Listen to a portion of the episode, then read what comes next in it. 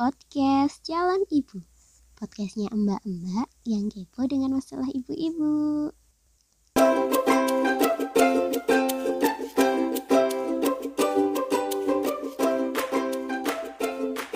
Assalamualaikum warahmatullahi wabarakatuh. Halo halo, berjumpa kembali di podcast Calon Ibu. Podcastnya mbak-mbak yang kepo dengan masalah ibu-ibu. Halo halo, apa kabar semua? Semoga senantiasa diberikan kesehatan ya. Beberapa waktu lalu saya tuh sempat beres-beres dokumen, terus melihat ada paspor. Jadi paspor saya itu dibuat tahun 2016 dan ternyata sampai paspor itu udah mau expired bulan depan itu nggak kepake lagi ke luar negeri ya sangat disayangkan ya sebenarnya kalau udah punya paspor tapi nggak dipakai ya selain karena lagi pandemi ya untuk biaya jalan-jalan ke luar negeri itu juga lumayan loh jadi kayaknya memang harus nabung dulu supaya suatu saat bisa perpanjang paspor lagi dan bisa jalan-jalan lagi ke luar negeri Nah, bicara soal pembuatan paspor, banyak yang bilang bahwa bikin paspor itu ribet. Urusannya macam-macam di imigrasi itu. Kalau saya sih, alhamdulillah dapat kemudahan dengan pembuatan kolektif. Jadi dulu itu karena keperluan kantor, pembuatannya kolektif, jadi gampang. Ada yang ngurusin, tinggal ke imigrasi untuk ya wawancara singkat gitu, terus gitu. Jadi deh paspornya.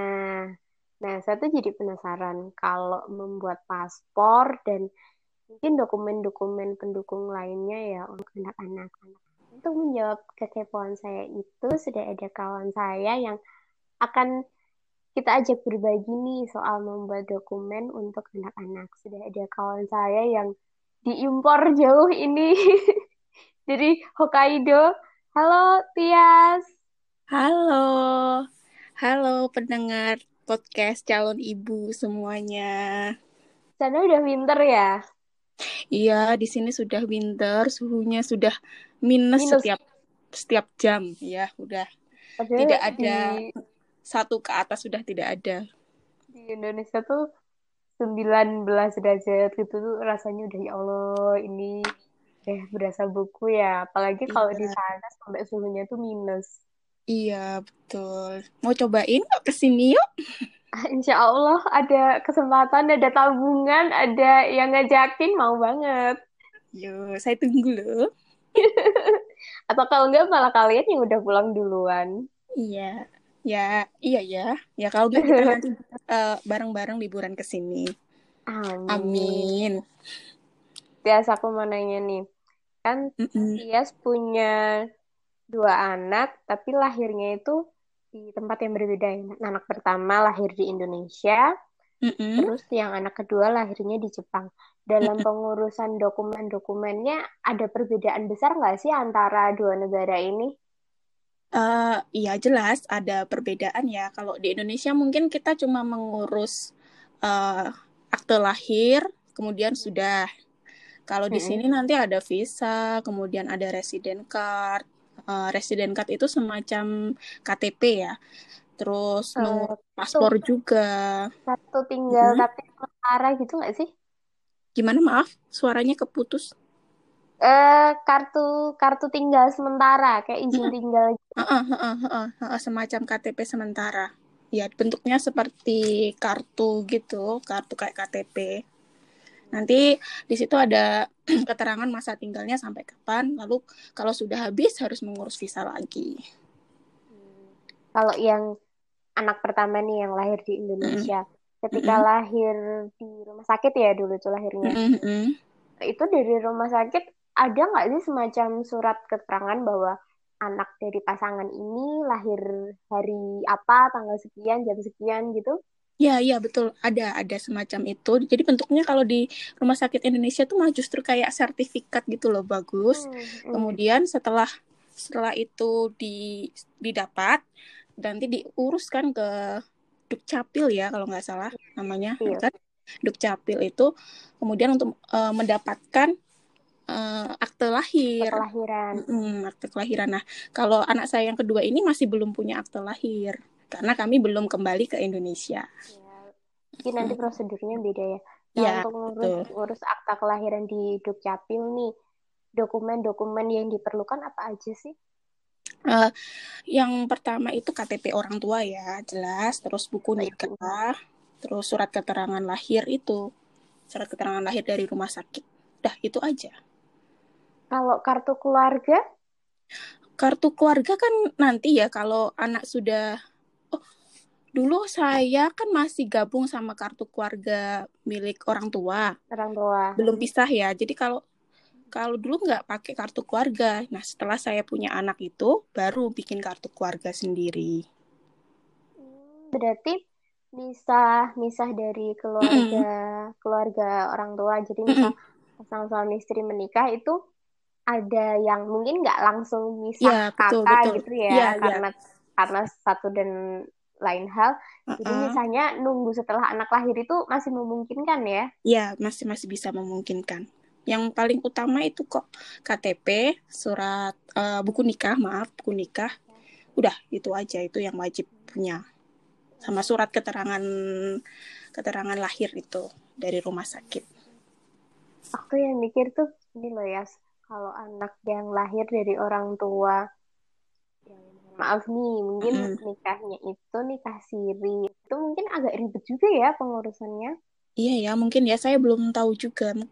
Itu kan nanti kan eh, ada keterangan anak itu lahir dari pasangan apa mungkin itu nanti berbeda berbeda apa namanya berbeda penulisan juga mungkin formatnya juga beda saya saya juga kurang tahu Aku jadi mikirnya kalau ngurusin ini kan hubungannya sama perlindungan hukum ya. betul betul Mm. Buat buat si anak kalau anak lahir itu kan orang tuanya siapa gitu. Jadi kayaknya bagi pasangan yang mungkin ya nikahnya memang memang karena ya karena ingin menikah bukan karena hal-hal tertentu yang jadi nggak bisa kan secara negara itu mungkin harus pertimbangan lagi ya karena hubungannya nanti sama perlindungan hukum untuk anak. betul Oke, kita tinggalkan masalah nikah siri ini. Dan terus setelah ya kan setelah eh, dapat akta, eh, Tias sempat ngalamin ini nggak sih ngurus kartu identitas anak? oh enggak enggak sempat waktu itu waktu ada kartu identitas anak itu saya saya sudah di sini.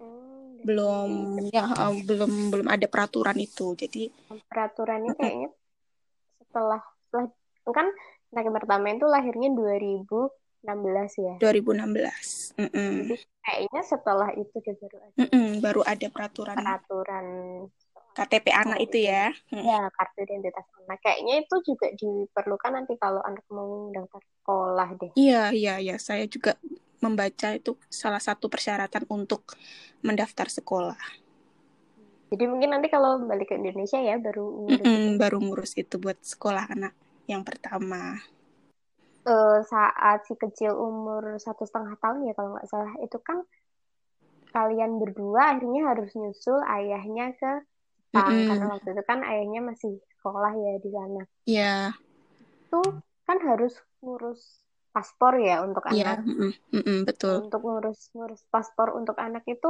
prosedurnya sama nggak sih kalau sama yang untuk orang dewasa? Ya, eh, waktu itu saya eh, diwawancara dulu, ngapain kok bikin paspor sama anak gitu kan? Ada apa? Oh, Terus berarti ini Tias bikin paspor yang untuk dirinya sendiri dulu. eh, bersamaan bersamaan dengan Oh, bersamaan. paspor anak yang pertama itu. Hmm, Terus ngurus untuk sama ya, sekalian untuk anak.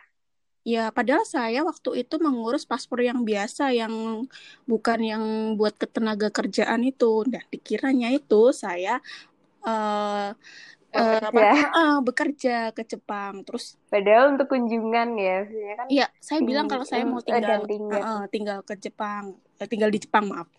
Terus nggak percaya itu dari pihak imigrasinya, imigrasinya. Terus eh, dia eh, pihak imigrasinya itu minta visa suami dan paspor suami supaya apa ya disahkan Iya. eh, eh, bukti bukti kalau saya tuh benar-benar ke sana itu nyusul suami gitu, bukan untuk bekerja bawa Hmm. anak gitu.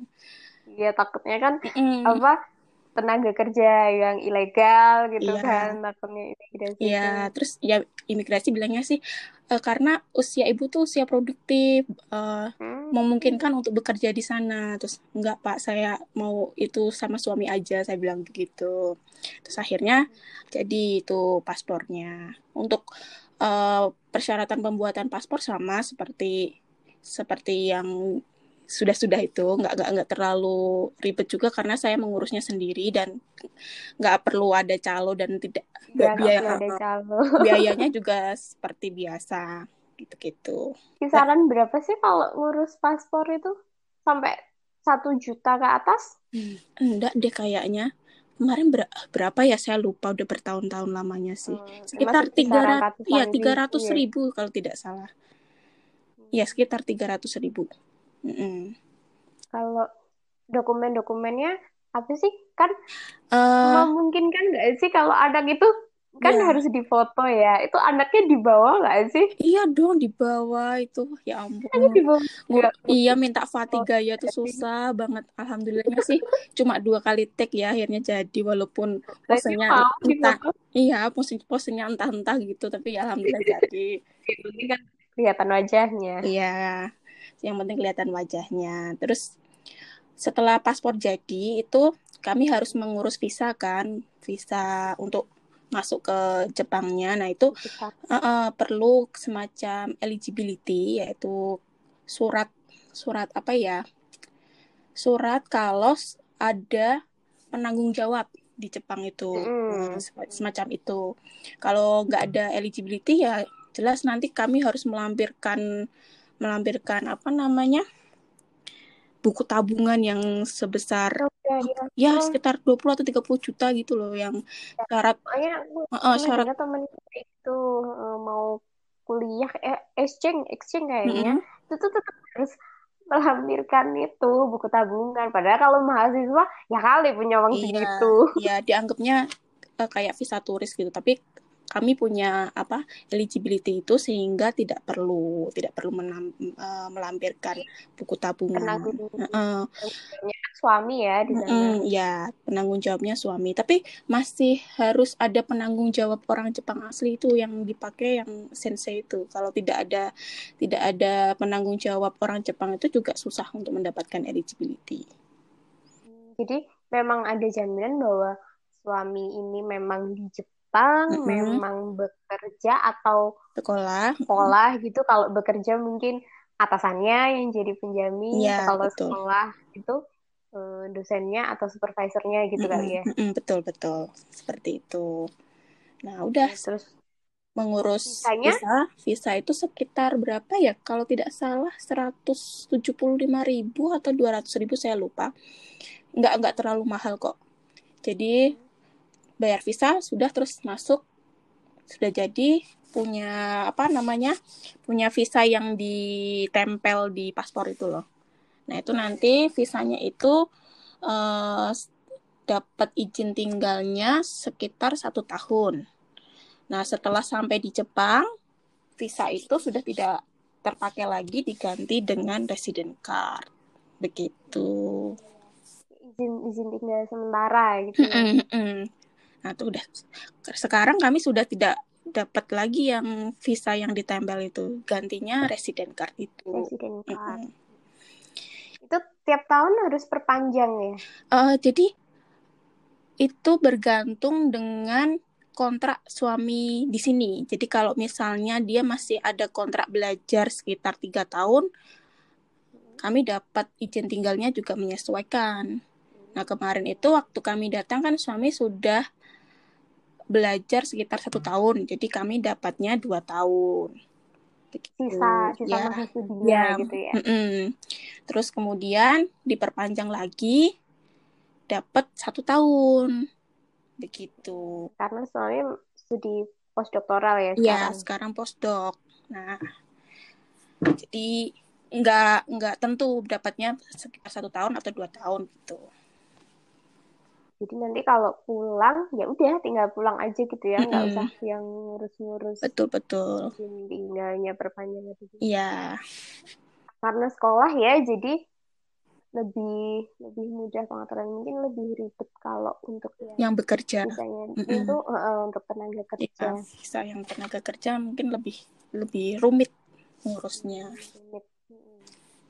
nah untuk anak yang kedua kan lahir di Jepang. Betul kalau lahir di Jepang itu sama nggak sih kayak di Indonesia yang ada sertifikat lahir dari rumah sakit terus nanti bikin akte dan sebagainya? Sama-sama. Jadi uh, waktu lahir itu uh, si anak dapat surat lahir dari rumah sakit. Sama uh, bentuknya ya se seperti surat surat piagam gitu kertasnya bagus. Terus habis itu uh, surat lahir dari rumah sakit itu disahkan dulu ke City Hall Nah, itu dicap dulu. Hmm, City Hall tuh semacam ya, kantor kota gitu, kantor pemerintah kota. Pemda, Pemda kalau oh, di ya, sini. Ya. uh, uh, disahkan dulu ke City Hall supaya dapat cap gitu. Nah, surat itu itu nanti akan digunakan untuk mengurus visa atau resident card dan surat keterangan kelahiran yang diajukan ke kedutaan begitu. Kalau uh, bakalan ada ini nggak sih diurusin akte lahir di Indonesia atau cukup keterangan lahirnya di sana nggak sih? Nah itu perlu perlu. Jadi kita punya surat keterangan lahir itu untuk uh, menggantinya dengan akte lahir ketika pulang ke Indonesia. Uh, saya dengar sih kalau dulu ada yang bilang kalau anak sampai umur satu tahun eh, sebelum satu tahun itu harus punya akte lahir jadi harus pulang gitu kan. Ternyata sekarang sudah ada peraturan baru. Peraturan barunya itu maksimal mengurusnya itu satu tahun maksimal satu tahun saat kedatangan. Gimana ya? Jadi datang ke Indonesia. Ya, pulang uh, pulang ke Indonesia. Uh, terus maksimal mengurusnya itu satu tahun. Begitu. Untuk mengurus ini mungkin akte lahirnya. Uh, agak slow ya berarti nggak harus buru-buru. Iya, kalau dulu kan ada yang bilang itu jangan sampai ngurus sampai anak umur satu tahun karena nggak bakal diurus lagi ke Indonesia di Indonesia nggak bakal diurus nanti ya pakainya surat keterangan lahir itu aja nggak punya akte terus ternyata saya uh, gitu iya ya. terus setelah itu saya cari tahu ternyata ada peraturan baru peraturan barunya itu kedatangannya maksimal satu tahun baru segera diurusnya gitu loh maksudnya. Mm-hmm. Uh, gitu. Ini mungkin tiap negara mungkin aturannya beda ya. Soalnya aku pernah lihat mm-hmm. itu ngurus kan anaknya lahir di Korea. Mm-hmm. Terus ada surat yang itu tuh ngurusnya ke KBRI. Mm-hmm.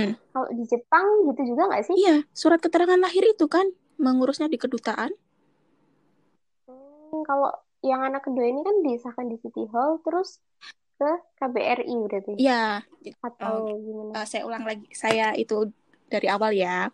Jadi dari awal itu si anak punya dokumen. Dokumennya yang pertama itu Positeco. Positeco itu semacam buku KIA itu loh yang buku pink. Nah, di situ tuh memuat hmm, semua dari puskesmas iya, itu. betul ya. Di situ memuat semua data-data anak dari dia di dalam kandungan sampai dia uh, sampai ya, sampai lahir, nanti besar lah. terus berapa bulan perkembangannya uh, uh, nah, gitu. itu nanti bermanfaat gak cuma pada uh, ngurus mengurus ini saja, tapi untuk sekolah, kemudian apa? Pokoknya yang yang berhubungan dengan anak itu semuanya pakai busi uh, administrasi apa pun pakai itu Teco itu. Nah, setelah dapat Teco itu nanti pas lahir si anak dapat surat keterangan lahir surat keterangan lahir itu dari, mm, dari rumah sakit. Setelah dapat surat keterangan dari rumah sakit itu harus mengurus harus mengesahkan di City Hall surat keterangan lahir itu. Nah, setelah dapat uh, surat keterangan lahir yang disahkan itu mengurus visa atau resident card dulu mengurus visa atau resident card dulu. Jadi si anak punya kartu kartu identitas. Nah, setelah mendapatkan resident card itu, nanti bisa mengurus surat keterangan lahir di kedutaan. Tahap tahapnya seperti itu. setelah mendapatkan surat keterangan lahir di kedutaan itu nanti bisa uh, mengurus paspor, bisa mengurus akte. Mm -mm. Jadi mungkin semen kayak akte sementara gitu kali betul ya, betul di luar negeri. Betul. Tapi pas pulang ke Indonesia harus diperbarui mm -mm, juga mm -mm. pakai yang tetapi yang dikeluarkan sama pemerintah Indonesia yang ada di Indonesia. Betul. Kalau KBRI kan pemerintah Indonesia tapi yang ada di, di luar. Uh, betul. Nah, surat keterangan lahir Harus. ini juga syaratnya hampir sama sih sama di Indonesia. Jadi pertama itu kami harus mengajukan surat permohonan. Surat permohonan itu uh, kemudian pakai fotokopi buku nikah, terus apalagi ya? Fotokopi paspor orang tua, identitas, hmm, residen, uh, fotokopi residen cardnya orang tua, sama yang anak itu kan karena uh, harus punya resident card anak juga. Si anak harus punya dulu. Terus setelah itu nanti um, dikirim ke kedutaan syarat-syaratnya itu. Terus setelah itu nanti kami dapat dapat surat keterangan lahirnya itu nggak perlu ngambil sih, tinggal dikirim aja. Uh, kalau kalau surat keterangan lahir, tinggal dikirim aja dari kedutaan ke alamat. Kedutaan ke alamat. Nah, kalau untuk paspor ini yang beda. Dan menurut saya ini terlalu rumit sih paspor di paspor Indonesia itu. Soalnya teman saya tuh uh, ada yang punya anak itu dia campuran yang ayahnya orang Afghanistan, hmm. yang ibunya orang Indonesia. Hmm. Otomatis kan dia punya dua paspor yang harus diurus. Karena uh, anak yang belum dewasa kan keluarga negaraannya dua uh, ya. kan dia belum memilih keluarga negaraan. Waktu mengurus paspor di Afghanistan itu enak dia nggak perlu datang ke sana. Jadi tinggal melampirkan dokumen-dokumen yang dibutuhkan dikirim kemudian fotonya pun uh, bisa melampirkan foto sendiri nggak perlu foto langsung di sana. Terus setelah diurus itu dikirim lagi ke rumah. Sedangkan untuk yang di Indonesia yang paspor Indonesia itu kita harus datang langsung ke kedutaan. Bayangkan bawa bayi ke kedutaan ya. masih umur berapa itu ya? Kalau teman saya itu umur umur tiga bulan, kalau Nara juga tiga bulan, sama tiga bulan. Sedangkan jadi mm -mm, anaknya tuh benar-benar harus dibuatkan sesegera mungkin nggak sih kalau paspor ya, ya. paspor Indonesia? Amannya begitu, amannya langsung dibuatkan aja biar nanti kalau misalnya butuh dokumen-dokumen apa itu jelas gitu loh ya, aman lah paling tidak aman. Aman. Hmm. Urusan administrasi itu memang nggak ribet ya, ya jadi kayaknya betul. Untuk paspor kalau itu harus harus datang ke sana, kemudian ada foto, tapi waktu itu nggak ada sidik jari kalau nggak salah. Ya cuma foto aja.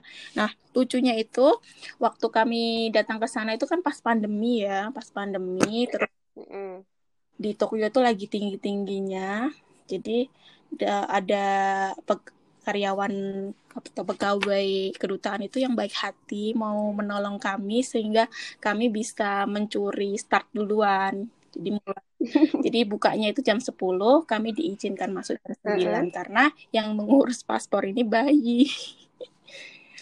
Oh iya. Jadi untuk menghindari ya, inilah keringanan ya, iya, ya karena yang menghindari kerumunan. Kasian juga kalau anaknya kelamaan. menghindari kerumunan kan, karena masih tinggi tingginya itu di Tokyo. Sekarang masih tinggi juga kan sih? Iya, ini sekarang di sini sudah fase gelombang ketiga lebih tinggi. Indonesia malah lagi tinggi-tinggi. Iya, sama semoga pandemi cepat berakhir ya. Biar kalian itu bisa cepet pulang. Betul, pengennya gitu kan dulu bikin paspor itu juga rencananya Biar bisa uh, rencananya mau mudik kan. Bikin paspor dulu, uh -uh. tapi ternyata nggak bisa mudik ya sudah. Bagaimana lagi?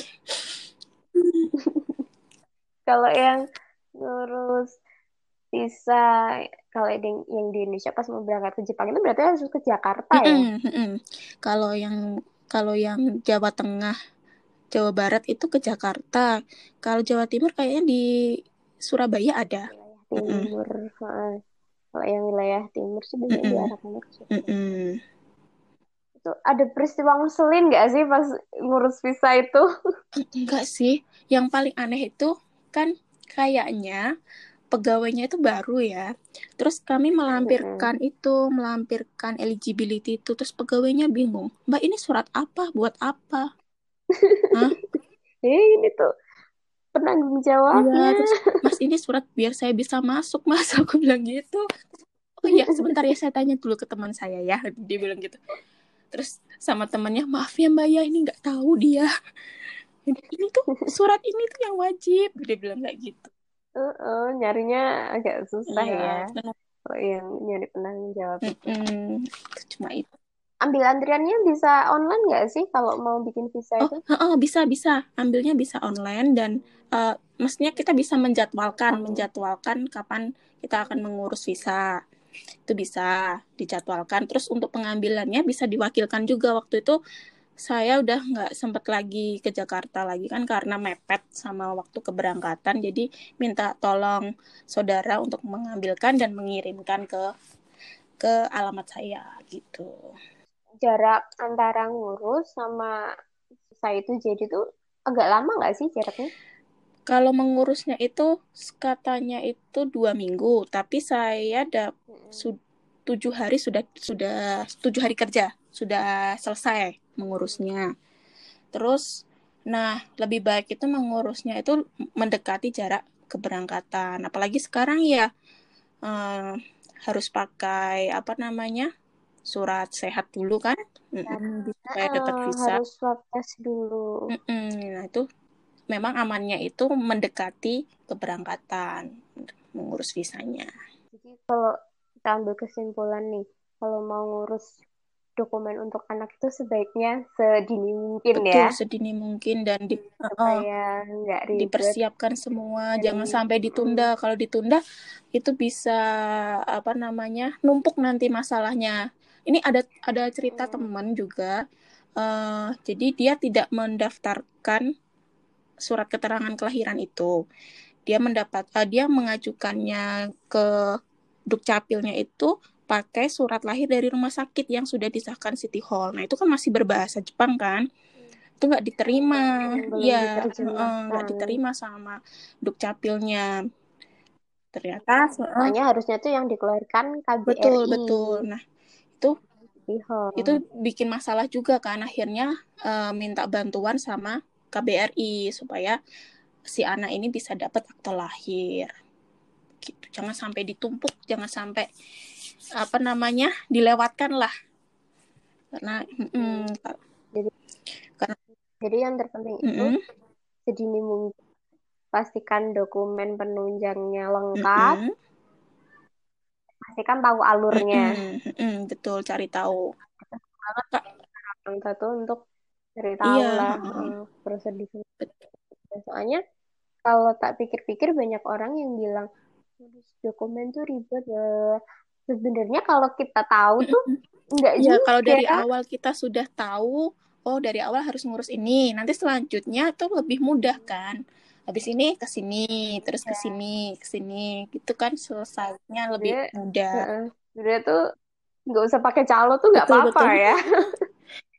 Yang penting kita mau agak berjuang lah karena proses kayak gini kan pasti iya memakan waktu. kan ada pengalaman juga kan oh ngurus ini ternyata perlunya cuma ini ini aja nggak nggak ribet-ribet banget gitu Dan kalau bilang biaya yang mahal tuh biaya ngurus suratnya itu nggak mahal, Mm-mm. tapi yang mahal tuh ini loh ya biaya transport kita ke sana. iya mm-mm, mm-mm, betul itu yang mah Terus waktu yang kita habiskan misalnya kalau yang bekerja harus ambil cuti, harus izin ya yang yang mahal oh tuh iya iya itunya iya sih, iya iya sih. kalau melihat alasan yang lain itu ya karena itu juga ya betul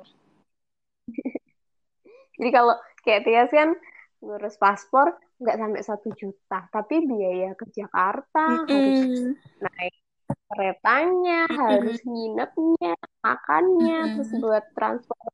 Kan itu kan butuh biaya juga, jadi kan yang mahal di Mm-mm, situ. betul iya sih ya Mm. Ada orang yang males ngurus pakai calo aja gitu kan, ya karena pengorbanan waktunya dan biaya lain-lain. Mm -mm.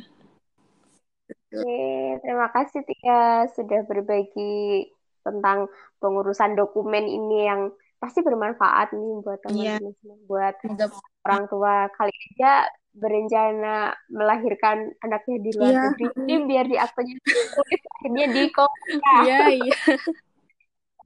biar keren aja Biar keren aja betul betul.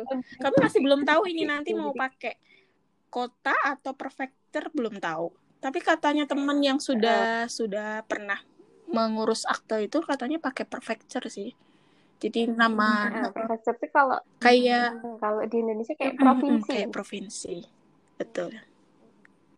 Jadi prefektur itu mungkin kalau di Indonesia setingkat provinsi, terus ada kota.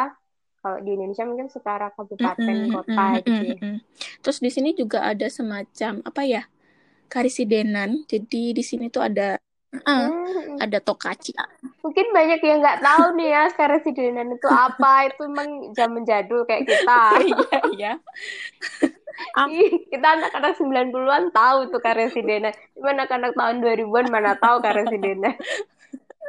Jadi karesidenan itu kumpulan dari beberapa Kabupaten. kabupaten atau kota, tapi satu tingkat di bawah Provinsi. Jadi kalau teman-teman semua lihat ada kendaraan platnya, Mm-mm. nomornya itu ada huruf sama angka karena plat R misalnya itu membawahi beberapa kabupaten Iya. seperti Cilacap, Banyumas, terus Purbalingga. Nah, plat AD Mm-mm. ini membawahi Boyolali, Klaten, eh, Surakarta, Karanganyar. Nah, itu tuh karesidenan. Mm-mm. Jadi beberapa kabupaten atau kota yang setingkat di bawah provinsi. Kayaknya kalau di Indonesia pemakaiannya tinggal di plat kendaraan aja sih. Kalau yang administrasi kayaknya enggak ah, deh. iya, iya. Cuma di kendaraan Kalau di sama, Jepang masih di kayak gitu kendaraan ya. juga kayak gitu. Jadi ada di Sonai area atau Kaci area, terus apa? Itu juga me- apa? Eh melingkupi kendaraan sih. Heeh. Oke, bagi teman-teman semua, ibu-ibu atau bapak-bapak yang mau bercerita atau berbagi seperti biasa tadi tentang pengalaman menjadi orang tua, tentang perkembangan anaknya, atau mau sambat, oh silahkan, saya sangat menerima sambat. bisa bisa mengirimkan DM ke at dewi titik surani. Itu yang di Instagram. Atau mau kirim lewat email ke dewisurani 1990 at gmail.com mau japri saya boleh. Mau eh, SMS aduh jadul banget ya SMS tuh. SMS boleh Apa ya. itu SM? kirim aja. Nanti kita bikin ini satu sesi tentang sambat boleh banget. Kalau tahu. Karena saya tahu keluarga zaman sekarang tuh masalahnya ribet banget. Jadi mungkin butuh ruang untuk sambat boleh banget lo ya dikirim. Makasih banget udah mendengarkan semuanya. Wassalamualaikum warahmatullahi wabarakatuh. Bye-bye.